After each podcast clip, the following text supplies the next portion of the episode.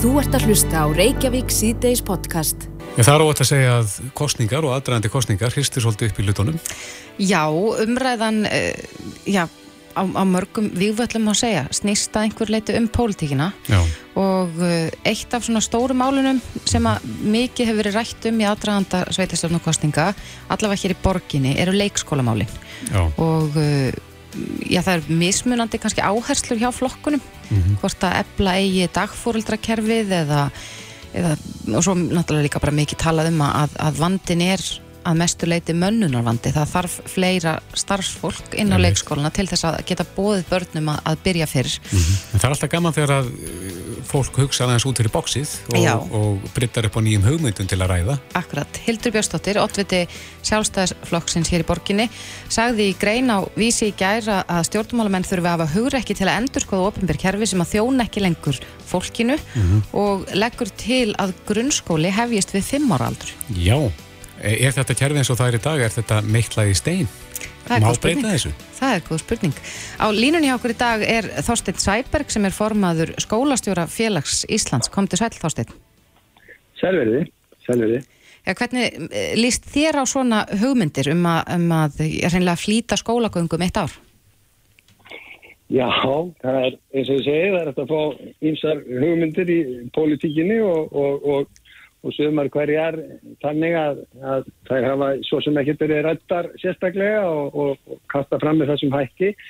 Svona mín fyrstu viðbröð eru þau að ég sé nú ekki alveg eh, hvaða vanda á að leysa með þessu annan en það að velta mönnunarvanda leikskólans einhvern veginn yfir á grunnskólans inn á grunnskólan og mér finnst það nú ekkert skynsalegt með við það að það er mönnunarvandi á báðum skólastögum og verulegur vandi til dæmis í leikskóla að fá til starfa það réttin, kennara með réttindi til kennslu og þetta svona tillögur myndir til dæmis ekki laga það mikið. Nei. En hugmyndin er að þú flýtir þessu kannski um eitt ár þannig að börnir koma fimm ára í staðin fyrir sex ára en, en þá ljúkaðu grunnskólanáminu það ári fyrr. Já, já, sama hátt getur á vekt fyrir okkur. Við erum nýlega í samfélaginu, það er nú ekki ákvörðun sveitafélaga, heldur ákvörðun hin- hins og opinbera yfirvalda til dæmis að við erum nýbúin að styrta framhaldsskólanum og sitt sínist nú hverjum um það, hvernig var staðið og, og til hvers það hefur leitt að mati margra og mismunandi skoðanir þar og, og ég get svona rétt ímynda mér að við veltum fyrir okkur að setja grunnskólanemendur yngri inn í framhaldsskólan heldur en er í dag að það hefði nú áhrif bæði inn í skólana og líka bara eru nefndurnir okkar orðinir nógu þroskaðir á þeim aldrei að fara inn í framhaldsskólan þannig að það sem ég er að segja er að þetta er, þetta er gríðarlega stórt viðfóngsefni að velta svona hlutu fyrir sér og, og draumurinn okkar allra er í bara leik og grunnskóla að við fáum sem flesta til starfa með réttiti til kennslu svo að börnin okkar fái sem allra besta þjónustu og þar er langur vegur framöndan að við náum því. Hvernig er þetta í löndunum í kringum okkur? Er, þekkist þetta ekki einhver staðar að, að börnin hætta fyrr í grunnskóla og byrja fyrr í, í mentaskóla?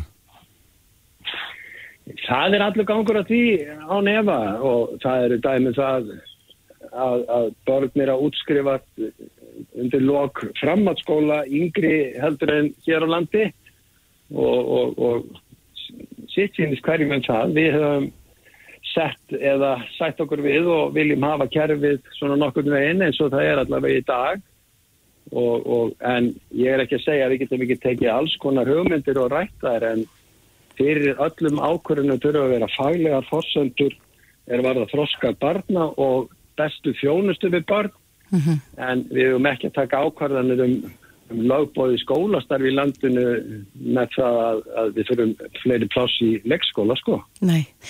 Flestir flokkar sem er að bjóða fram hér í borginni ég segjast að leysa þannig vanda en, en svo hefur verið talað um eins og við myndast áðan að þetta er, er kannski fyrst og fremst mönnunavandi og, og þú talar um að það er ekki bara í leikskólum heldur einni á grunnskólastíðinu er, er hreinlega eina lausnina að, að bæta kjör kennara í þessum stjættum?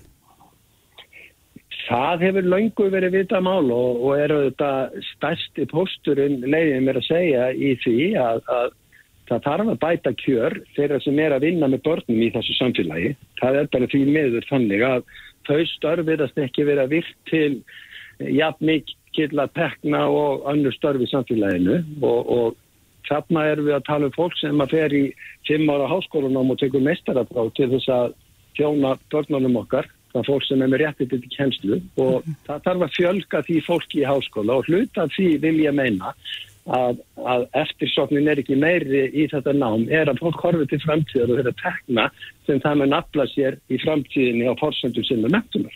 Mm -hmm. Ég mitt. En þóstið, þetta er hugmynd sem að uh, sjálfstæðismenn eru með í borginni. Ef að þeir komast nú til valda og vilja hrindis í framkvæmt, hvað segir þá? Þetta er ekki hægt? Já, þá fyrir það náttúrulega fyrst að snúa sér að ríkisvaldinu vegna þess að það er ekki ákvörðin sveitafélaga ákvaða aldrei börn eru skólaskild í landinu. Börn eru skólaskild í landinu á aldrei 6-16 ára í dag. Mm -hmm í grunnskólum og, og það þarf að gera lagabreitingar á því ef að á að skólaskilda börn í grunnskóla við fimm ára aldur og, og svona ákvarðandi guðslöku í okkar samfélag er ekki teknar bara síðan, það eru teknar að vel aðtúaðu og ígrunduðu málu með fagfólki Já. og þann, þannig á það að vera þegar við horfum til mentunar okkar yngstu þjóðfélagstegna. Mér heyrist þú ekkert úðalega spentur?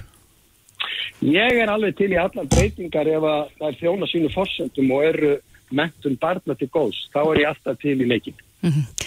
En ekki einungist til þess að, já, kannski leysa vanda atvinnulífsins að einhver liti?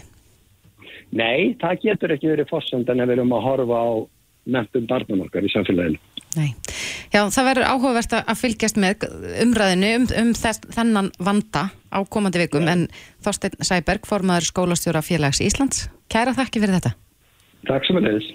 Þú ert að hlusta á Reykjavík C-Days podcast. Það vakti mikla aðtegli í gær uh, þegar að ASI mm. sagði frá því að, að það skjóti skökku við að matveruverslanir hækki verð á vörum sínum á sama tíma á þær skilin margra miljardakróna hagnaði og á, þetta á sama tíma á verðbólka hefur hækkað upp í 7,2% að þá aukist hagnaður stærstu matveruverslana gríðarlega. Já, og fylgdi sögunni að eigendur haga stefna á að greiða sér út 2 miljardi arð í ár En eh, baráttan við verðbólguna, hún er ansið í það og verð hækkanir. Mm -hmm. Finnur Oddsson, fórstýri Haga, er mættið til okkar, velkomin. Já, takk fyrir, takk fyrir að fá mig þáttir. Já, er þetta uh, magleg gaggrinni og verðskuldu sem þarna kemur fram? Ég held að það sé kannski ágætt bara að byrja á því að, hérna, að velta þess upp hérna viðfangsefninu sem við erum að klást við þessa dagana og, og verða matur og nöðsinum, það er svona eitt af mikilvægastu umræðafnum viðfangsefnum. Við erum að sjá hérna tölvöld miklar hækkanir núna meir en við séum nokkur tíman svona áður í sögunni og, og það er eðlert að við stöldrum við og, og veltum fyrir okkur hvort að þessar hækkanir séu eðlilegar og hvað sé þetta að gera stemma stígu, stemma stígu við þeim mm. og hérna svona í því sambandi þá er bara mjög eðlert að sjónir beinast af vestluninni vestlunin er einhvern stendur neytendur næst í þeirri keðju sem að sér okkur fyrir nöðsunum en kannski áðurum við ræðum hana kannski að halda eitthvað sko hvaðan hvernig er þessi keðja og hver er henni uppspretta vandamálsins? Mm, heldur þú að almenningur sé svona yfir höfuð já svona vel áttaður þegar kemur að þessari keðju? Ég heyrði nú hérna í bítinu gerður að tala um hækkun til dæmis á mjölkurverði heldur, heldur að almenningur áttir sig á því sko hvernig, hvernig potin er búið? Uh, já og nei, það eru bara misjamt. Ég veit það bara fyrir mig sjálfan að þegar ég byrjaði að vinna í, hérna, í Vestlun fyrir hvað, tveimur orðum síðan tæpum, þá fannst mér bara hreinlega að það var bara svona eye-opener fyrir mig. Hvað er verið að vinna magnastarf, hvað er í rauninni flóki vegna að þetta snýst um það að það eru einhverjir framleiðendur hér út í heimi sem að framleiða einhverja ráfuru, þá getur verið kveiti, óli eða einhverja landbúnarafurðir, svo taka aðri framleiðendur eh, svona á neytendavöru eh, keflið, búa til svona endavöru sem að heilsala sjáum að, að, að dreifa fyrir það og að dreifa til smásala og smásalan sérum og komið vestlanir og og, og við hérna kaupum þetta út úr búðum og, og tökum því svolítið sem sjálfsögum hlut en þetta er ekki sjálfsögum hlutur, þetta er mjög flókin vinna sem er aðna bakvið en sko vandi okkar í dag, hann byggist fyrst og fremst á því að framlegslu kostnaður á nánast allir vöru og ég bara, það er öll vara, hann hefur hækkað fram úr hófi og hann hefur hækkað vegna þess að aðfangakæðan er svona, hún er löskuð, framlegslega er löskuð og það er vegna þess að COVID var hérna fyrir tveimur árum, það er vegna þess að núna er eh, stríð sem hefur gríðarlega áhrif á, á ráðuruframleyslu, kveiti, óli og annað slíkt. Þannig að hérna það er í sjálf og sér fullkonlega eðlilegt að, að einhverju njóti um og, og, hérna, og, og veldi þessum spurningum sem komu upp fyrir sér. Eh, bara höfum fullan skilning á því. En um, vandamálið það mun ekkit hverfa með einhverjum tárabröðum vandin sem við erum klást við er ekki þess eðlis en það sem við getum gert er að milda áhrifin. Ef að hérna, allir sem koma að þessari keðju, þá er ég að tala um framlendur, ég er að tala um heilsala, ég er að tala um vestlunum, ég er að tala um að sjálfsögur stjórnvöld líka, nálgast vandan af ábyrð og það felur í sér ákveðna hófsem, það felur í sér að við breytum verði í samræmi við kostnarhækkanir en umfram allt felur það í sér að við gætum hagraðis í kostnaði, við reynum að hagraðis og mögulegt er til þess að standundir þessu hlutverki okkar sem er alveg gríðarlega mikilvægt að koma nöðsynum á sem hafkvæmastan átt til heimila. Er vestlunin ekki að hækka umfram það sem eðlilegt getur talist með að við verð, verð sem að þið fjárfæsti fyrir? Nei, ég held að ég, ég leifum bara fullir það að, að svo er ekki að því marki sem ég veit en auðvitað hef ég bara aðgangað að hérna eh, einu, einu fyrirtæki mm -hmm. um, en eins og sko eins og þið byrjuðu hérna á áðan það er alveg sko eðlilegt að einhverju hnjótum þegar svona uppæðir er í umræðu.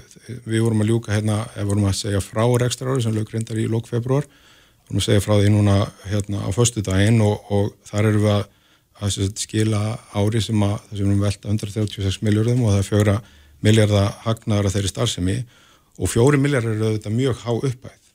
En ef þessu uppæð er sett í samengi, er hún þá mjög há?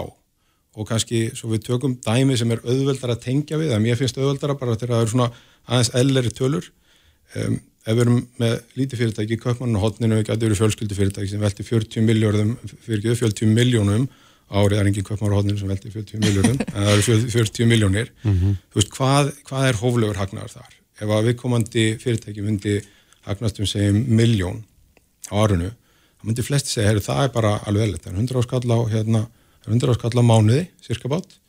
Um, þetta er sambarlega tala á hagnaðar haga.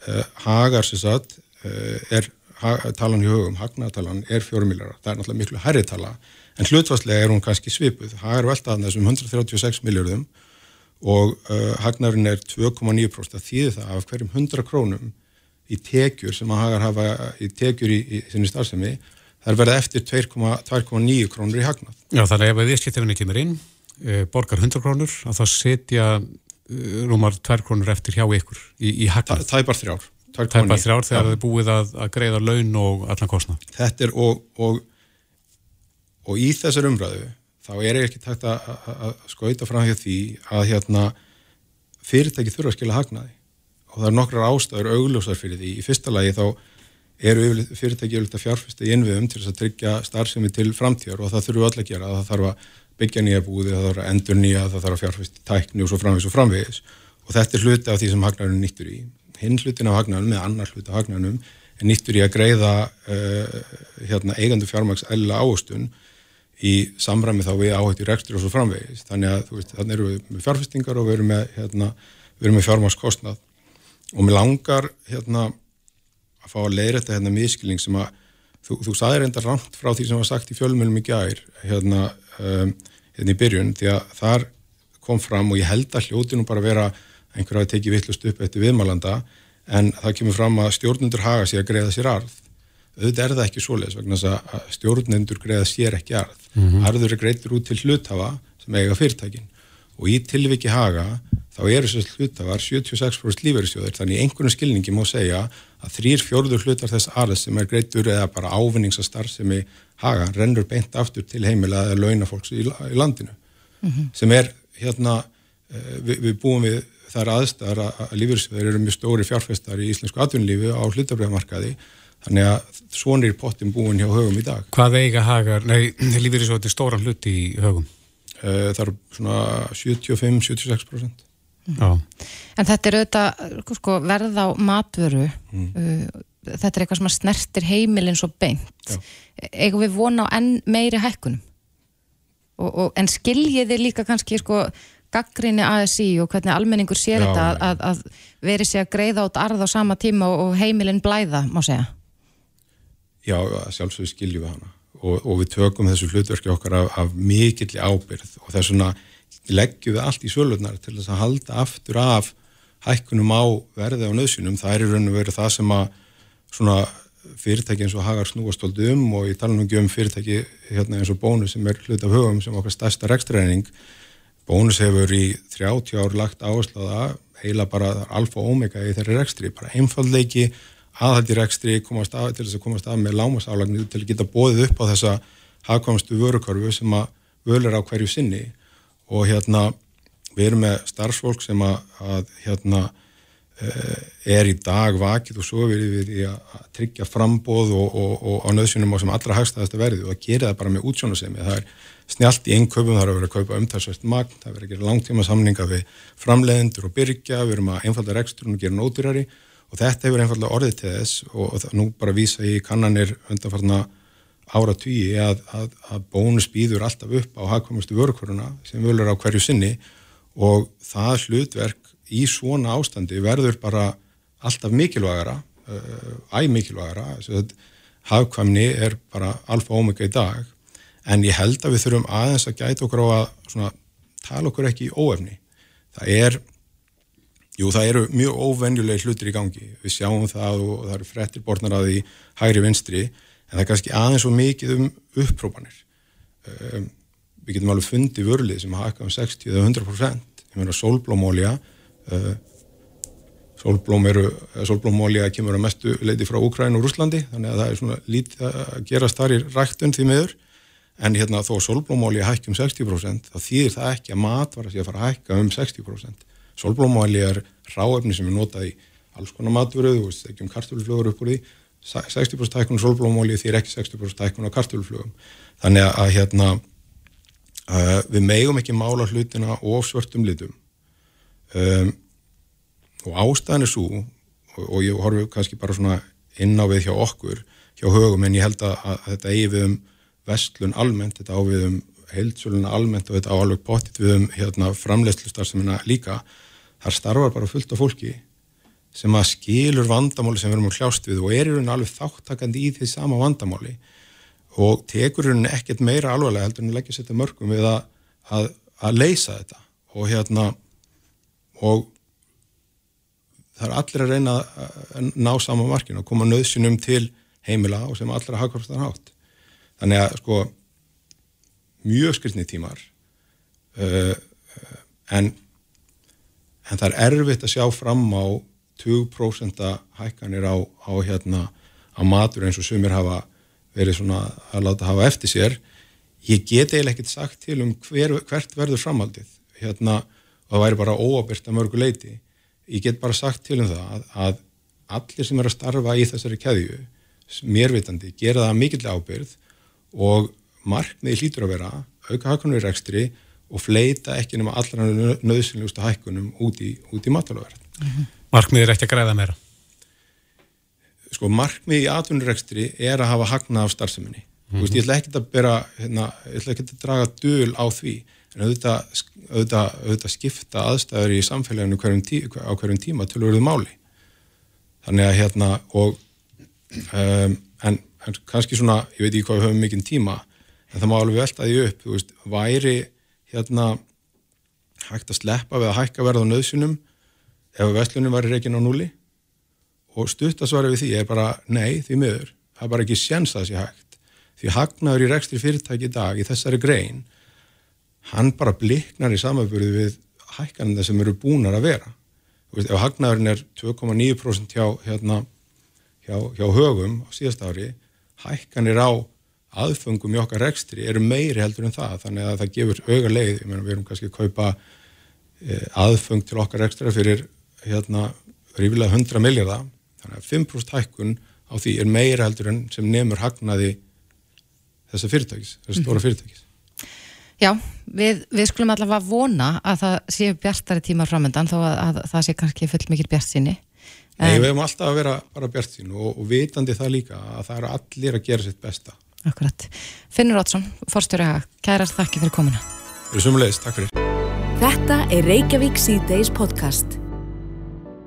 Umræðan um heilbríðastjærfið, hún er kvik og sífælt á lofti og yfirleitt heyru við bara neikvæða fréttir það er einhvern veginn allt í volli Já, það hefur auðvitað ennkjent fréttaflutning í dágóðan tíma að mm -hmm. Staðan til dæmis á, á bráðmóttökunni sé virkilega slæm og, og kannski að nýja stæra að uh, barast fréttir af því að hún Hrönn Guðbjörnsdóttir, bráða hjókunarfræðingur á bráðmóttökunni, mm -hmm. sagði upp störfum vegna álags að uh, hún sagði að staðan á deildinni sé svo slæm að hún sjáu sér ekki fært að tryggja öryggi þeirra sjúklinga sem hún uh, sé í hvert sinn ábyrg fyrir. Einmitt. Og þetta náttúrulega vekur upp uh, spurningar hjá manni um hvernig staðan í raun er á, á bráðateldinni. Mm -hmm. Á línunni er Már Kristjánsson, fástuðum aður líflækning og bráðaþjónustu á landsbytalanum. Komdu sæl. Komdu sæl. Já, þetta er náttúrulega slæmt að heyra svona fréttir að fólk treystir sér ekki til þess að vinna þarna því að það vil ekki stefna lífi fólks í hættu. Já, það eru, það eru mjög slæma fréttir og, og við eh, tregum alltaf það þegar að fólk eh, hverfur frá okkur sérstaklega velmentað og, og, og hérna gott starfsfólk. Já, en tekur undir það að staðan sé svona slæm á deildinni? Já, eins og þið sagðu í inganginum að þá, þá hafa sko, þá eru eh, fregnir af eh, spítalanum og spítalstarfseminni, það hafa verið talsveit á þá lund að, að um, það sé mannekla og mikið að gera og, og það hefur vissulega svo þreita sem er verið uh, bæði vegna álags og, og COVID og, og fleiri þáttar leitt til þess að, að, að við hefum verið að missa starfsfólk, það er vissulega rétt og, uh mhm. -huh. og það er uh, það segir sér bara sjálft að, að ef við erum með færra fólk heldur en fleira þá, þá verður sko, þá, þá verður meira anríki hjá þeim sem eftir sitja og þá kann að vera undir vissum kringustæðum að sé sko öryggi sjúklinga ógnað mm -hmm. og, og, og fyrir fagfólk að þá er það alltaf erfitt að, að, að, að horfast í augu við það að, að geta ekki sko sitt starfinu sínu af, þeirri, af þeim faglegheitum sem að efnistanda til. Mm -hmm. En er þetta ásættanlegt ástand? Nei, alls ekki. Þetta er alls ekki ásættalegt en, en það sem að sko ég hef verið að reyna að kalla eftir er jákvæð umfjöllun um sko spítalan mm -hmm. uh, og vegna þess að sko við, við, við setjum alltaf spítalan í brennitebil þegar eitthvað bregður út af en, en það er sko þorrið þess starfs sem að hér fer fram er uh, gríðarlega uh, vel af hendi inn og, og ég nefni bara til dæmis það að hér er verið að opna sko, nýlega uh, mjög sko, fa fallega og, og faglega uh, brjóstamiðstöð þar sem er, er, er vel að, að verki staðir. Uh, það, eru, það eru fleiri þekti sem ætti nefna sem eru vel gerðir og hverjum degi að þá, þá fara frá okkur sjúklingar sem hafa fengið mjög góða þjónustu. Mm -hmm. En vissulega er þetta þannig að, að það er, eru erfileikar og, og og það er, er þannig að ef að fregnir eru alltaf neikvæðar af starfseminni að þá, þá verður erfitt að fá fólk til starfa og, og við sjáum það til dæmis að, að, að sko auglýsingar eh, um, um störf að þeim er oft ekki sinn. Mm. Er það hluti af, af ástæðinni fyrir manneklunni að fólk eh, ræðst ekki til starfa hjá ykkur? Algjörlega, algjörlega og, og það eru alls konar sko önnur störf sem að keppa um starffólkið okkar og við erum sko að mörguleiti ekki alltaf samkeppnishæf. Um, ég get bara nefnt dæmi að hjókunarfræðingur sko í dagvinnu að, að, að það keppst um hann kannski e, á, á öðrum ríkistofnunum og þar sem að, að þeir fá hærri, hærri laun eða, eða já, flugfélögum og öðru slíku. Og, og, og hérna þannig að við erum í þessari samtjöfum þannig að það, það er sko fullt af, af, af, af fagfólki sem kýsa starfa ekki í, í fæinu sinu einfallega vegna þess að launakjörður með þeim hætti hér hjá, e, sko, hjá, hjá landsbítalunum mm -hmm. og, og það, það er eitthvað sem ég hef ekki vald yfir heldur er þetta eitthvað sem er náttúrulega á, á, á vettvangi fagfélaga og síðan kjara á mannuð síslu ríkisins. Þannig að, að, að, að það eru mjög margir þættir sem að spila hérna inni en neikvæð umfjöllun sko, og, og, og það sé gert það fréttaefni allt sem að miður fer að það er held ég að sko einna þáttónu sem að vera til þess að við, við getum ekki nýliðað eins og við þurfum. Nei, þurftir hennilega sko, umfyllunin eins og þú segir og, og við sögum hér áðan er ofta tíðum mjög neikvæð, þurftir hennilega að fara bara í, ímyndar herrferð fyrir til dæmis bráðamáttökuna til þess að, að sína að það er nú ímyndslegt gott sem gerist þar? Algjörlega og ég, ég, ég held því bara fram að, að það sé mjög margt vel gert og, og í rauninni teki ofan sko oft á dag fyrir starfsfólkjunum þar sem er að vinna við mjög erfiðar kringumstæður. E, e, sko það er þannig að það hefur verið e, tregða á að geta flutt fólk sem er innlagt inn á legudildi spítalans. Á sama tíma þá kemur kannski fólk sem er stóð slasað eða fólk sem er að fara í gegnum endurlífgun og, og, og, og því er, er bjargað á undursamlegan hátt en, en á meðan á því stendur meðan að verða þeirra endurlífka að þá er, þá er fullt af fólki sem að liggur og sko afskipta göngunum kannski eða, eða, eða með, með, með síðri þjónustu mm -hmm. meðan á þessu stendur. Já, en byggtímin er alltaf langur, er það ekki hjá þeim sem að koma og, og setjast á byggstofuna? Jú, jú, hann, hann, er, hann, er, hann verður langur vegna þess að, að sko, þjónustu fullflótar eru uppteknir í einhverju sem er mikilvægara heldur en, en, en það sem er fram í byggstofun. Já, en þú segir að, að þú getur ráðið fleira fólk hann ef það fengist til starfa. Er, er það rétt, réttu stilningur hjá mér? Já, já, algjörlega og, og það á við um fleiri starfstöður heldur en bara bráðamóttökuna og þetta á við fleiri starfstöður heldur en bara hjúkunarfræðinga. Það, það er líka hörgull á læknum. Já, þannig að það skortir ekki fjármagnið, það skortir fólkið. Það skortir fólkið, já. Akkurat. Já, við skulum vona að eh, umræðan verði jákvæðari og að Já, ég, staðan á bráðamáttökunum verði betri. Ég vona það líka og ég þakka bara og, og vona að, að hérna, fjölmiðlar leggja okkur líði þeim efnum. Akkurat. Már Kristjánsson, forstöðumadur fyrir liflækninga og bráða þjónustu landsbytalans. Kæra þakki fyrir þetta. Takk ykkur fyrir. Þetta er Reykjavík C-Days podcast. En það má segja að stærsta efnahagsfrétt dagsins er stýrivægsta hekkun Sælabankans. Já, uh, peningastefnum nefnd Sælabanka Íslands hefur ákveðið að hækka vexti bankans um eina prósentu mm -hmm. og verða því vextinnir 3,75%. Já. Uh, Ástýr Jónsson, Sælabankastjóri, ætlaði að vera hjá okkur hérna en við neyðumst þess að tala við inn í síma. Sæl, Ástýr? Ég sæl að blæsaður. Eh, Rökin fyrir þessara hækkun, þetta hefur verið gaggrínt meðal annars af formanni var ferr sem að segja að þetta sé stríðsefylýsing. Hver er, hver er helstu rökin? Ég var að vera bólkaðandur komin upp í þarna sko 7% og er að stefna herra. Já, innflutta verðbólka, hann spyr einmitt að því hvernig þið ætla að berjast við innflutta verðbólku með vakstaðinu. Ég sko innflutta þarna verðbólkan á eftir að koma, þetta er náttúrulega miklu leiti innlend þarna verðbólka sem við erum að sjá mm -hmm. bæði hérna eh, fastamarkaðar og síðan náttúrulega þjónusta. Þannig að þannig við verðum bræðist við og við erum í rauninni að vernda kaupmátt lögum það mm -hmm. þannig ég þannig að sérst þarna ég trú ekki að verkefælisirvingin vilji sjá verðbólku geta niður kaupmátt og, og hann, hann sem haldur varum að hækka. Þetta er, þetta er leiðin við verðum að berjast við hana. Og þráttur þess að hækkun þá eru stýrivextir 375 sem er til dælu látt með Íslands samengi mm -hmm og, og þetta er bara aðgerð sem við vorum bara neytið þess að fara í til þess að, halda verðlega í stöðu.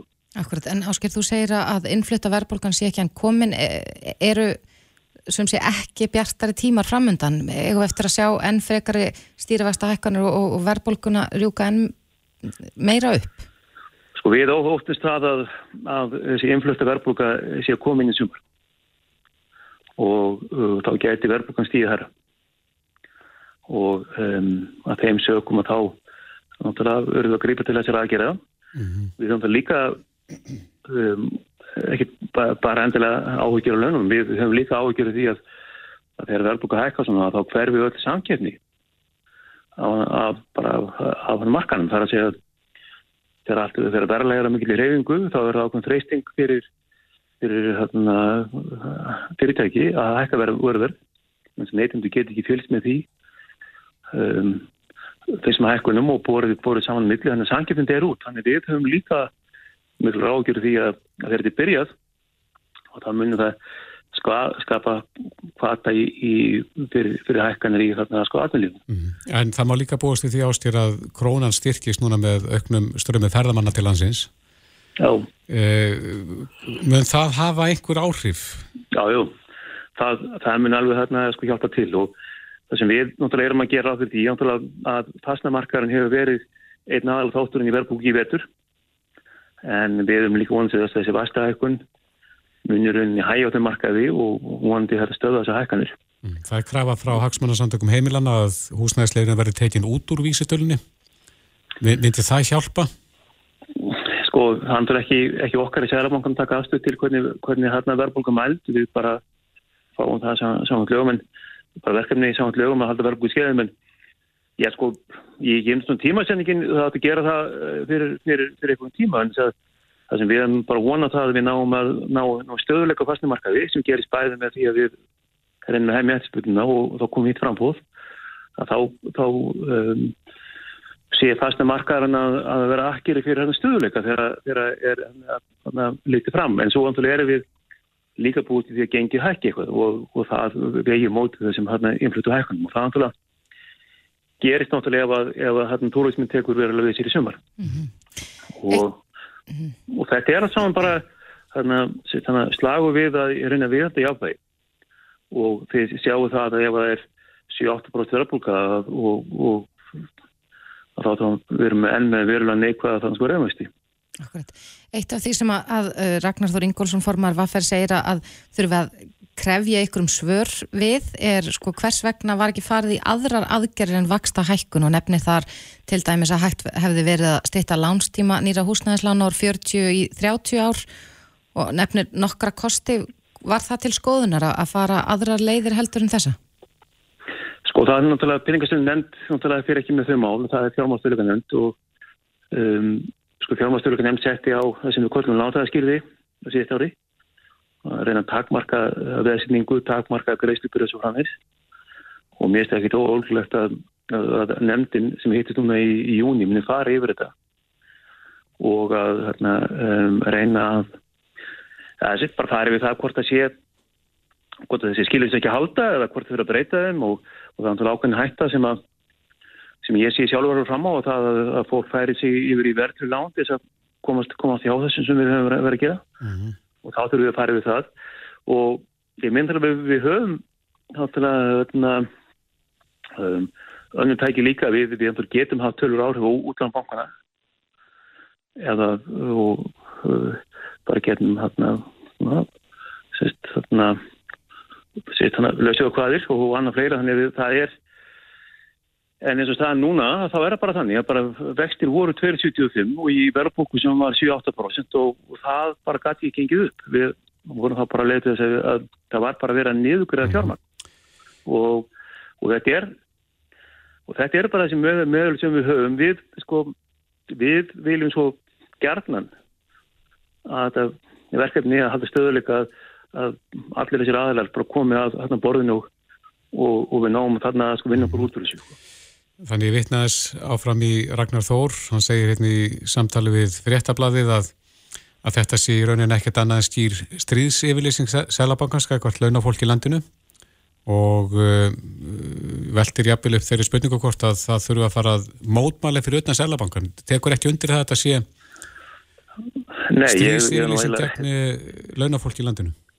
Nei, ég tel selabanki sé varmaður þannig að launafólks í landinu að standa vörð um, um hérna kaupmátt laununa til þess að tryggja það. Sælabankin hefur það lögbundar hlutverk að tryggja það að, að, að peningarnir sem fólk vær að það, það sé þetta að kaupa eitthvað fyrir þá. Og það er þetta lögbundar hlutverk og hver skipti sem að verkefliðsfélagin semja við atmjörgundur þá er það grundilega þess að við höldum kaupmatti á þeim seglum sem er verið að borga. Mm -hmm. Þannig það er, það er eins og bara þannig að ég held að það væri bara mun betra og, og bara mun ábræðfullra að, að gangi í hérna sko lið með okkur í þessu verkefni í stað, staðins að, að, að vera hérna að um, alltaf hérna ráðast á okkur þegar við erum aðeins að sinna því verkefni sem okkur er falið samt lögum.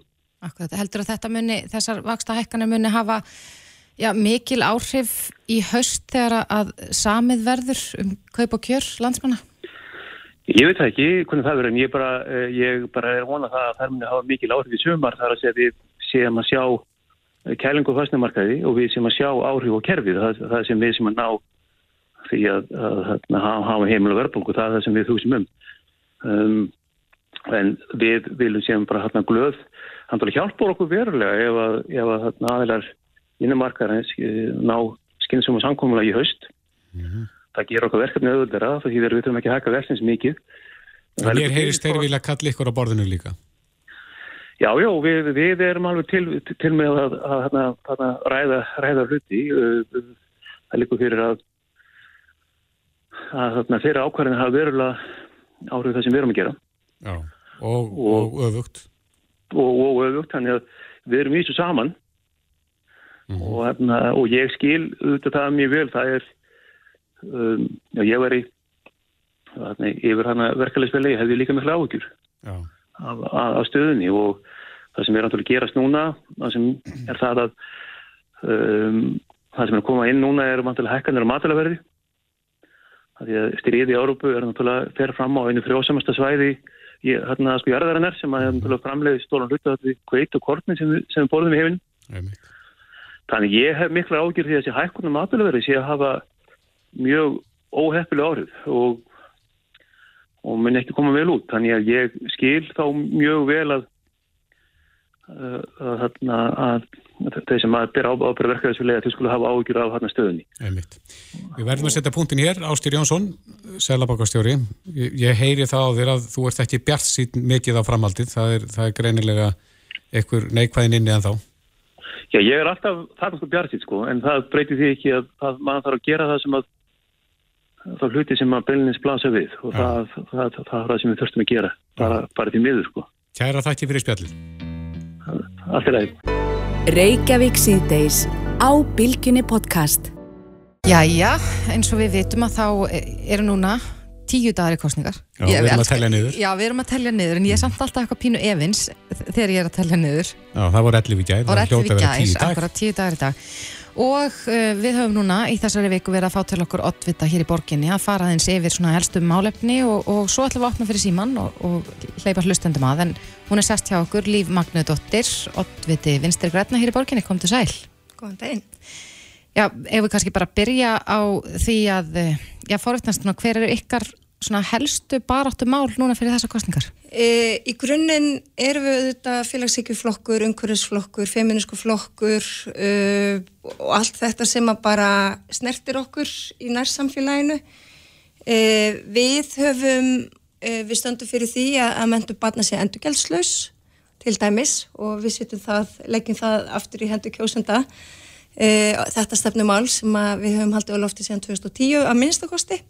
En hafið ekki náð því í gegn við ná, í samstarfum? Við höfum náð miklum árangri í að lækka álögur á uh, barnafjölskyldur. Mm. En hvað Mjög stendur miklu. í veginu fyrir því að þetta, það sé að efna A þetta? Aðri flokka komi með okkur í þess að ég gera þetta bara. Mm. Þegar þú talar um, fæ kannski að skjóta þess hér inn, þegar þú talar um mentun barna, erum við að tala um öll skólastík? Þá erum við að tala um, já, leikskólan og grunnskólan mm -hmm. og frístundaheimilin. Uh, en við erum að þokast nær í þessa átt, nú sjáum við til dæmis sjálfstæðismenn á Akureyri. Þeir vilja að það sé ekki rukka fyrir leikskólagöngu barna uh, mér er að segja viðreist hér í borginni og píratar þau vilja að fimm ára uh, börn greiði ekki leikskólagjöld. Þannig að við erum alveg að pota í ímsa flokka, þetta er að færa snær við erum að færa snær markmiðinu. En í þessari kostningabaróttu þá hérna höfum við lagt svona þrjú mál sem að okkur langar daldi til þess að ræða við kjósendur. Uh, annars vegar eru það uh, umhverfismálinn og hins vegar bara þessi uh, mannreittindamál, húsnæðismálinn. Um, og svo eru við með, viljum við hérna reysa vísendaveröld í Reykjavík um, eins og við þekkjum í Stórborgum í kringum okkur.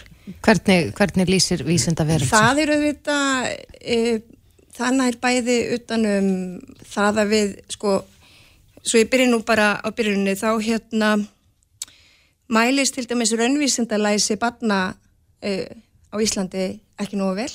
Uh, við þurfum að efla okkur þar í raunvísindum. Þetta getur til dæmis tala beintin í mentakerfið mm -hmm. uh, ekki sapn þetta er ekki sapn í eiginlegu skilningi þetta er bara svona veröld þar sem hún getur gert tilraunir Eh, fræðst um heiminni kringu þig, náttúruna, heimingeimin, lífið, tilveruna, safni? Eðlisfræði Já. og efnafræði. Hvar var þetta staðisett? Já, sko, nú erum við að fá til dæmis land frá ríkinu í Kjeldnalandi það mætti alveg hugsa sér að það færi þangað. Ætti þetta heima til dæmis eitthvað styrn ámöndið við háskólan?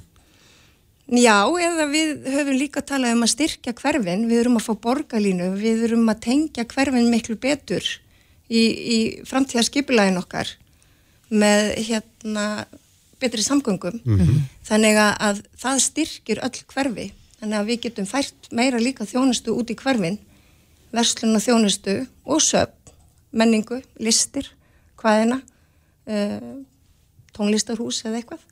Þannig að við erum aldrei að horfa kannski í efri byggðir fyrir svona vísundaveröld. Mm -hmm. Þetta er eitthvað sem okkur langar að ræða í þessari kostningabaróttu. Þetta, við getum ekki lofaði að það rýsi hérna í Reykjavík á kjörtímabilinu. Það tekur langa tíma að undibúa slíkt satt. Eða, já. Þannig að, en þetta viljum við ræða og við gerum þetta auðvitað ekki í Reykjavíkuborg að lein.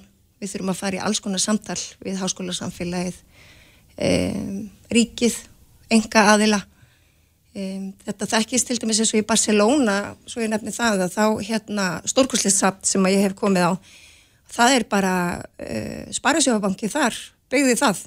Mm -hmm. og það er bara eitt flottasta sapt sem ég hef komið á en ég hef líka komið á mörg. Og þetta er, þó ég sé nú við tölum um sko að við sem að byggja veröld fyrir börn á öllum aldri. Og, og þó ég sé eina ferðast í útlöndum þá fer ég alltaf á svona sapt þegar þú lærir alltaf eitthvað. En, en þú myndist nú aðeins á... Svo er það líka bara gaman. Já, þú myndist aðeins á borgarlínu hérna, þú ert náttúrulega, þeir eru því í meirlutta í borginni og, og veitum hver ykkar svona staða er hvað það varðar, en, en, en eins og til dæmis í skipulagsmálum, nú hefur aðeins fyrir tekist á um þjettingu byggðar eða hvort að við höfum að dreifin en frekar? Já, og það er reyndar annað sem við höfum sett á dagskóru fyrir þessar kostningar, að það er sko, við getum styrt hverfin, við getum byggt í þegar grónum hverfum, En við verðum líka klára nýju hverfin og byggja meira þar og þjætta þar líka. Um, þjætting byggðar eru auðvitað loftlagsmál en það er líka sko til þess að geta fengið þjónusti í hverfin að þá verða þau að vera með fyllt af íbúum. Það mm -hmm. bara likur í augum uppi. Þannig að hérna, en í þessari kostningabarótu þá segjum við, við þurfum líka að fylga grænum svæðum í þjættri byggð þanga fyrir við og endurnærum okkur og, og hérna neginn, við þurfum að sækja í náttúruna og við þurfum að færa náttúruna meira inn í hverfin. Þannig að við viljum standa vörð um grænsvæði uh, á síðasta kjörtjömbili að þá sem sagt stóði ég fyrir því að við myndum láta friðlýsa, það er náttúrulega ekki ég sem að friðlýsi, það eru umhverjustur á þeirra en að við myndum friðlýsa þrjú strandsvæði hér í Reykjavík e, það er í ferli þannig að við viljum láta friðlýsa enn frekar e, verðmætt grænsvæði í Reykjavík mm -hmm.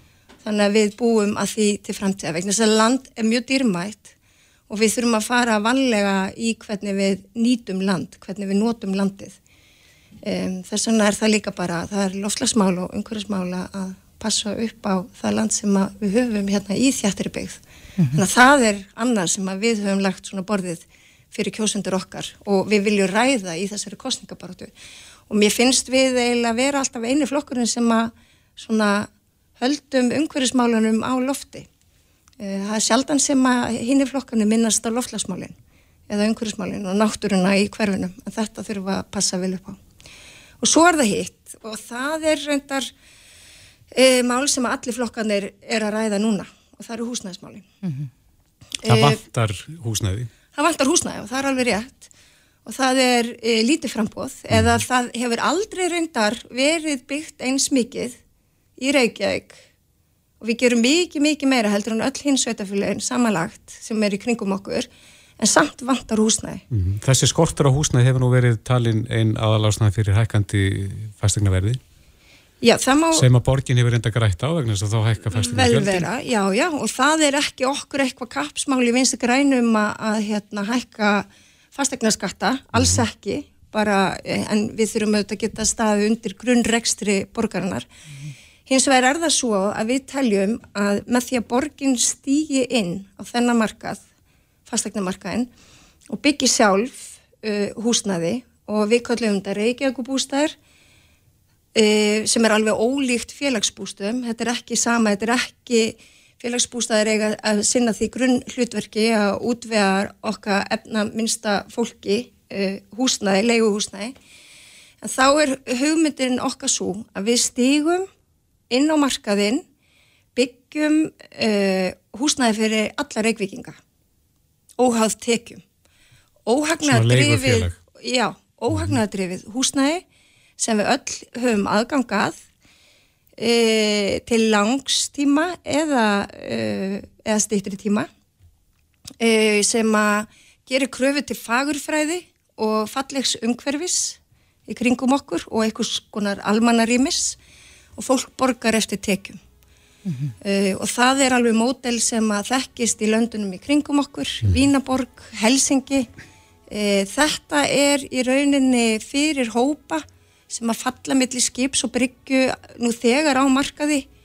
Uh, þetta getur líka verið húsnæði fyrir ungt fólk sem að vill kannski einn daginn eignast sitt eigið húsnæði en hefur ekki svigurum til þess að sapna sig fyrir útborgun eða fyrir hérna einborgun í slíkt húsnaði um, þannig að þetta gæti það erði auðvitað alltaf reyfingi í svona húsnaði, það erði fjölbreyttur hópar. E, tökum bara dæmi fólk sem er að skilja það, þú veist, annar aðalinn geti komist aðeins þessu húsnaði til skamstíma og með að vera að greiða úr hlutunum. Þannig að geta komið upp alls konar aðstær þetta er sérst bara húsnaði fyrir alla reykvikinga Þú maður fáði til að hingra aðeins, uh, hér er þetta skamastund alltaf opnað fyrir síman Já, en gaman. Geta kjósendur, ringt og spurt í spjörunum úr. Eh, símanúmeri hér á eftir 5671111 ef þið hafið spurningu fyrir líf Magnúðdóttur, Ottvita Vinstri Greina. Jæja, þá höldum við Ottvita spjallinu áfram. Við sáum í könnun í gær að það er eftir töluverðu fylgi að slæjast. Já. Það eru, hvað voru, 51% búin að ákveða hvað er alltaf kjósa. Já, og það voru einhverju sem sögðast ekki alltaf kjósa, já, en við minnum þetta hafi eitthvað verið, já, 36% í, nú ég ekki að reikna í beinni. Það voru eitthvað ríflega 30% sem voru ekki búin að gera pjósin. Já, ég held að þú hefði rétt fyrir um 36%. Já. Þannig að ef þið eru með spurningu fyrir Líf Magnuðdóttur, rótut af Vinstur Græna, þá er tætjafæri núna, símanumar okkur 567 11 11. Góðan dag. Já, góðan dag, Stefán er ég. Sæl. Uh, líf. Líf. Líf. Mm -hmm fyrir ekki, ég mismælti mig. Mjög algjör. Já, ég, ég ætla að spyrja þið þryggja östutra spurninga. Viltu fá allar í einu eða bara einu einu? Bara allar í einu, eða flott. Já, ok. Í fyrsta lagi gætir þú hugsað er að vera í meiru luta stjórn með sjálfstæðisfloknum í borgarsjórnum. Viltu að ég sværa strax? Eða? Í, já, til dæmis. Já, já. Já, nei. Ég get ekki hugsa með það þessu stíðum málsins. Þá ætla ég bara mm. saman því að spyrja hvort þú sett ána með samstarf vinsturíkætna í ríkistjórn með sjálfsarlóknum. Ég er ána með starf míns fólks á alþingi og ég held með mínu fólki á alþingi og við erum að gera rosalega góða hluti. Ég ætla ekki að tjá mig um sjálfstæðisflokkinu eða framsögn. Ef maður hefur ekki neitt gott að segja þá má bara þeia. En að lokum bara einn personleg út af því að þú ert í AFGSK stiður þú aðveld Íslands að NATO? Stið ég? Stið, stiður þú aðveld Íslands að NATO? Nei, það ger ég ekki. Ok, herruðu þetta var nú allt líf og bara gangi þér vel. Svo. Takk fyrir Takk fyrir þetta Stefan. Bless, bless. Og þá er það bara næsta lína, góðan dag. Mm -hmm. Halló? Já, góðan daginn við að Guðjánsson eftir. Sælviðar, þú með spurningu fyrir líf? Já, það er þessi óhagnadreifnu leigufélug. Mm -hmm. Sem hún nefndi hérna á hann. Já, nú hefur við verið að spyrja stjórnmálamennum þetta því þetta eru kvatakerfi. Og nú er ég leigusali og er með alls margar íbúðir en ég finn hvað er orðið erfitt að leiga. Og hvað mikið samkeppni er orðið við þessu óhagnadreifnu eða þetta er ekkit óhagnadreifnu, það er bara skattborgarinn er að borga mismurinu. Já, er, það það að vera gríðarlega mismunum þeir sem fá íbúðir og fá ekki íbúðir og en, spurningin er, er þetta samkjönd að, að vera alltaf í, í samkeppni við ríkið Takk fyrir þetta viðar Já, líf ríkið í samkeppni við þá sem eru á frálsum markaði Nei, ég líti ekki á það fannig vegna þess að hinn svo kallaði frjálsi markaður, hann heldur auðvitað áfram að starfa og ef hann stendur sér vel sem að, að mínum að mér finnst hann ekki gera, mér finnst hann hafa brúðist. Að hvaða leiti finnst hann hafa brúðist? Til dæmis eins og með uh, hálegu verði, mm -hmm. Skort og viðhaldi og fleiri sem að uh, leyendur hafa uh, hvart efir. e, þá er það þetta þannig að í þessu tilfelli óhagnaðadrifina e, leiguhúsna að þá á hagnaðurinn, hinn svokallaða hagnaður, að renna beint til leigjanda.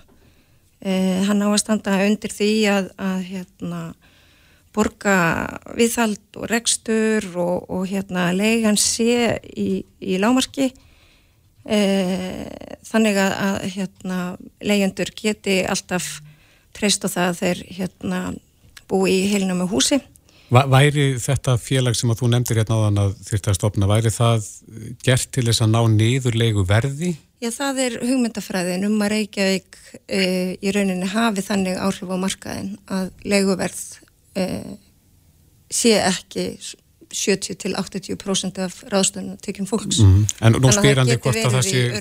Já, nú spyr hann hvort að þið finnist sandjant að að hann sem er á þessa regnir og er að leiði út að hann sé í samkeppni við borgina? Ég líti ekki á sem að það sé ekkur samkeppnisvingill í þessu um, en hins vegar er það alveg ljósta að markaðurinn hefur bröðist og hann er ekki réttlátur þannig að, að það má líka bara spyrja tilbaka er, er rétt að, að hérna leigusalar sé að græða óhóflega á sínu leiðendum þess vegna finnst mér við þurfum að byggja mikið meira af óhagna drifnu leiguhúsnaði. Mm -hmm. Akkurat, eigum við að fara í næsta hlustanda?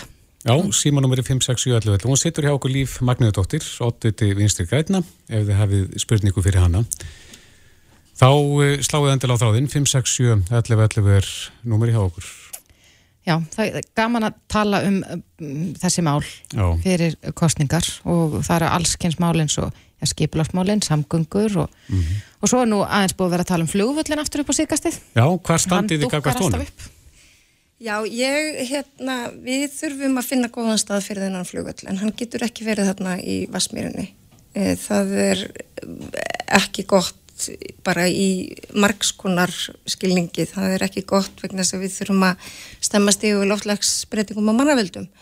Eh, við þurfum að byggja þjætt í borg sem að sífælt fyrir stælkandi uh, og við þurfum að bæta almenningssangugur og þarna er gríð, ef þið sjáu þetta kortið það er bara gríðarlega stort land þannig sem að fer undir tilturlega uh, ég ætla ekki að segja lítla starfsemi en starfsemi sem að getur verið annar staðar og við getum bætt með góðum ég ætla að lega mér að segja það En uh, sjáum hver er hér, góðan dag Já, góðan dag Hvað heitir þú með reyfi? Fyrir ekki Þórafur. Þórhallur, erst þú með spurningu fyrir líf? Já, ég var að hugsa um eitthvað óhaldnaður að fastegna þeirra. Er þetta ekki til? Já, ekki, það, er ekki til í þeim skilningi að hérna, það, það eru þetta til. Eins og, eins og bjarg til dæmis. En verkalýsrefingin er auðvitað að byggja óhagnaðadrefið húsnæði. En það eru bara tilteknar hópar sem að komast þangað að. Þess að við erum að tala um að, að byggja eru óhagnaðadrefnar íbúður fyrir alla reykvikinga Óháð stöðu eða já, tekjum já, eða og fólk borgar eftir tekjum mm -hmm. það er leiku húsnæði Já þannig að það verður ekki endilega sama verð fyrir alla Viltur, já. Já. Okay. já, þá er það bara næsta lína Góðan dag Góðan daginn, rappið ég Sælir af. Sælir. Ég hérna um, langar að spörja varandi sundarbrúin okkar sem margir búið að tala um. Já. Viljið þið hana eða ekki? Sundabröðin. Já. Sundabröðin, já. Sko, sundabröð eða brú eða göng uh, mín skoðan er svo að mér finnst ekki tímabært að reysa sundabraut. Uh, ég tel að við þurfum að breyta ferðavennjum okkar áður en að það sé gert og við þurfum að ná hlutdeilt virkra ferðamóta mikið meira upp þannig að við séum að, að hérna, nota almenningssamgangum meira og við þurfum að ferðast fyrir eigin hérna, orkum meira og, og hjóla meira. Uh, ef að sundabraut hins vegar uh, það verður tekinn ákverðin um að hún komi. Og þá vil ég að hún komi í göngum og sé ekki bara í rauninni umferðar æð beint inn í hjarta Reykjavíkur. Þannig að það hérna, að umferð aukist hér bara töluvert og, og með tilherrandi mengun og háfaða og hún sker hérna í gegnum íþróttasvæði og, og þar sem skólar eru og frístundaheimili og leikskólar. Þannig að ég myndi minnka- vilja sjá hana í göngum Mhm. og þannig að hún myndi þá frekar tengjast inn á Reykjanesbreytinu eða svona til sem sagt að þannig að myndi beina umferðirunni frá Reykjavík og þá á þessa stóru stopnæðar sem að fara þá á Suðunissin og, Mhm. og þá út úr bænum. En myndi ekki sko stytting á ferðatíma þegar þetta myndi náttúrulega stytta gríðarlega hérna, leið þeirra sem er að koma að vestan til dæmis? Já, en við þurfum Myndi líka... það ekki minka mengun? Já, en við þurfum að hugsa líka um hagsmunni Reykjavíkinga í þessu máli. Þannig að þetta er ákveðin jafnvægislist sem að, að hérna... En viltu meina reikninga myndi ekki nota sundarbröðina eins og aðrir? Jú, eflaust, þetta myndi steytta ferðir okkar fjölskyttunar til söðokröks um 20 mínútur og ég menna við fagnum því gríðarlega en, en hver er ávinningurinn? Hver er heildar ávinningurinn bara fyrir almenning? Eh, Bæði kostnæðilega séð, umhverfislega séð en líka bara versus lífskeiði og heilsu og fleira. Dempum okkur í næsta listanda, góðan dag. Það er gott að valgerið ég. Sætlustu Valger. Ég er að velta fyrir mig saman til skulda hlutfalli Reykjavíkuborgar eða skulda vanda Reykjavíkuborgars. Mhm. Hvernig, hvernig verður tekið á því á næsta kjörtímanbili? Ef að þið komist að. Ef að þau halda völdum? Já, ég meina það. Mm Líf, skulda Já, skuldahlutvall Reykjavíkur er auðvitað legst á hugborgarsvæðinu, við höfum staðið okkur hingað til langt best hvað það var þar, en, en við þurfum að sína ráðdeild í rekstri og, og fara vel með e, almanna e, fjö, það líkur alveg í hluturins eðlis og við látum ekki okkar eftir liggja í því. Ég er mest í peninga nurlari með almanna fjö sem að þekkist. Ég vil verja því fyrst og fremst í hverskins grunnþjónustu Mhm. en það eru þetta stór verkefni hérna sem að býða okkar og þá spyr ég bara hvað má umhverju kosta þannig að það eru svona þessi stóru fjárfestingaverkefni líka sem að býða okkar og ég er líka tilbúin til þess að greiða þeim göttuna Mm Verðum að setja punktin hér? Já, því miður. Við verðum að að sjálfsögða aftur með oddvitaðspjallið á morgun en uh, búið að vera gaman að hafa þig hér, Líf Magnetóttir, oddviti vinstri grætna í borginni. Kærar þakki fyrir komin og takk fyrir að svara spurningum hlustanda. Takk fyrir að bjóða mér. Reykjavík síðdeis á Bilginni podcast. Ég get sagt heiðarlega frá því að, að eiginlega mitt fyrsta verk í dag Já, var að kaupa S.A.A. Álfinn. já, hann er komin í sölu. Já, byrjaði söl í dag. Mér skilst að, að helbriðisráður hafi já, tekið á móti fyrsta álfinum í háttegin í gær Mhm. en, en salan hófst í dag og ég var hérna upp á en, einum í Artónshöða Já. og ég kefti álfin en mér var svo gaman að sjá að það voru alveg svona fjórir aðrir á sama tíma líka kaupa Já. þess að þessi fjáröflun er gríðarlega mikilvæg fyrir starfsemi S.A.A. Er það ekki? Er þetta ekki bara einn stærsta fjáröflunin? Á línunni er formaður S.A.A. Anna Hildur Guðmundsdóttir, kom til sæl. Já, góðan daginn. Er þetta ekki stærsta fjáröflun ykkar á árinu? Jú, jú, jú, jú þetta er langt um stærsta fjáröflunan okkar og, og það sem er líka svo skemmtilegt við þessa fjáröflun að þessi fjáröflun er búin að vera stanslust í 33 ár. Mm Þannig að þetta er bara einstæmi hérna, sko. Já, hvað er söfnun sem þess að stíl ykkur háum fjárhæðum? Svona 70-80 miljónum. Já, en það þarf miklu meira til í það ekki, svona til þess að dæmi gangi upp hjá okkur. Jú, jú, við erum alltaf fjárlögum og svo erum við að fá alls konar aðra styrki og hérna, og fólk er, hugsaður mjög hlýtt til okkar og við eigum rosalega mikið af góðum vinnum út í samfélaginu sem, a, sem að er að styrkja okkur og, og vita líka þetta fer í, í þart málefni og það er þörf á þessu þannig að, hérna, þannig að við erum mikið af góðum, góðum vinnum. En álfurinn í ár, hann er í gerfi töframanns, töfra álfurinn með svona fallegan fjólbláan hatt og, og, og uh, hver er tengingin þar? E, þetta eru náttúrulega hálfgerði töfrar að fara í meðferð, má segja, því að það að, að þegar að fólk tekur þessa ákverðin að snúa við sínu lífi og, og gera þessa miklu breytingu að það og, og allir þessir koma að því starfi að því að svo margt sem það er að ganga upp til þess að þetta allt gangi. Þannig að það, það eru bara hálfgerði töfrar líka, þú veist, Já. að maður, maður kemur kannski inn á vó og maður er algjörlega búin á því og hérna og kannski trúir ekkert rosalega mikið á sjálfan sig, skiljið þá er það allt þetta batteri að trúa á mann fyrir mann, skiljið Já, þannig að það er svo mikilvægt líka. En Anna, nú hefur mikið verið talað um uh, bygglista. Er, er erfitt að koma að stað hjá ykkur? Sko, ég, ég myndi ekki segja erfitt, þú veist, við erum alltaf með svona ákveð, ákveð system, þannig að fólk sem er yngri en 25 ára, það býður ekki. Ef þú ert með opið barnaðandamál, þá býður ekki. Uh, en það getur alveg verið uh, býð fyrir, fyrir aðra, getur verið þryggja fjara mánu býð, það er þannig. En fyrir ákveðin hóp er ekki býð. Nei. En tekjurnar af álfasölunni, í hvað fara þær helst? Uh, þær hafa farið í að- að að styðja við ungmenna meðferðina og styðja við sáttræðarþjónustu fyrir börn, sem sagt, uh, börn uh, alskólista og fíkla. Þannig að það þetta verður svona farið í þá þjónustu, þessa yngri þjóð, fyrir þá sem eru yngri. Já. En fyrir þá sem að eru kannski að reyna að komast inn hjá ykkur í fyrsta sinn, hvar, hvar byrjar fólk í ferlinu?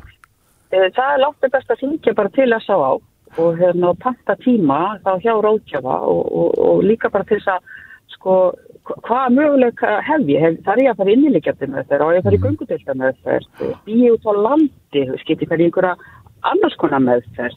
Þannig að, að best er og að hitta einhvern fag aðila og þú, ef þú býrðu út á landi og getur líka leita til helsugæslunar og, og aðtóða hvort að helsugæslan komið þér þá í samskipti við þess á á. Þannig að, að hérna, allavega fyrsta skrif er að bara að hérna, panta viðtal hér ákjáðu göngudelt. Já. Það er hérna sölu fólk frá okkur að við snúum okkur aftur að álfinum uh, út um allt. E- Eru margi sjálfbáðlega sem að þið fáið til ykkar svona, til þess að koma þess út? Þetta gengur út á sjálfbáðleguna að, að hérna, selja og, og það er rosalega mikið að líka bara krökkum sem vera fjármagna sín íþróttafélög og sín íþróttaferðalög sem fá náttúrulega sölulegin og eru þá á sama tíma fjármagna sína ferðir. Já, að þetta byggist upp að þessari keðjiverkun að, að hérna, fólk er að selja til þess að sapna sér stá fyrir kannski ykkur öðru. Mm. Þannig að það er fólk út um alla, allt land að selja. Já. Hvað verður álfurinn í sölu lengi? Við seljum, uh, hann er í sölu fram á sennudag. Það þannig að það er hérna næsta helgi og, og svo er það búið. Já. Akkurat. En er það ekki rétt hjá mér að, að uh, nú hefur auðvitað verið frekar erfitt í, bara í fjáröflun yfir höfuð á tímum COVID Jú. þannig að, að er þetta kannski mikilvægara núna heldur en þetta hefur áður verið? Þetta er náttúrulega alltaf mikilvægt eh, og hérna, við fórum með álfarsölun á síðustu jól til þess að, að, að- að koma upp á móti fjáröfn hérna, mæsölunni það árið og hérna, en auðvitað er þetta alltaf mikilvægt fjáröfn þannig að þessi skeisti jafninglu máli og allar hinnar. Mm. Já, við hvetjum alla til þess að, að kaupa álfin en Anna Hildur Guðmundsdóttir formaður S.A.A. Kæra þakki fyrir þetta. Herru, takk hérlega fyrir. Gangi ykkur vel sem leys. Bless, bless. Hlustaðu hvena sem er á Reykjavík C-Days podcast.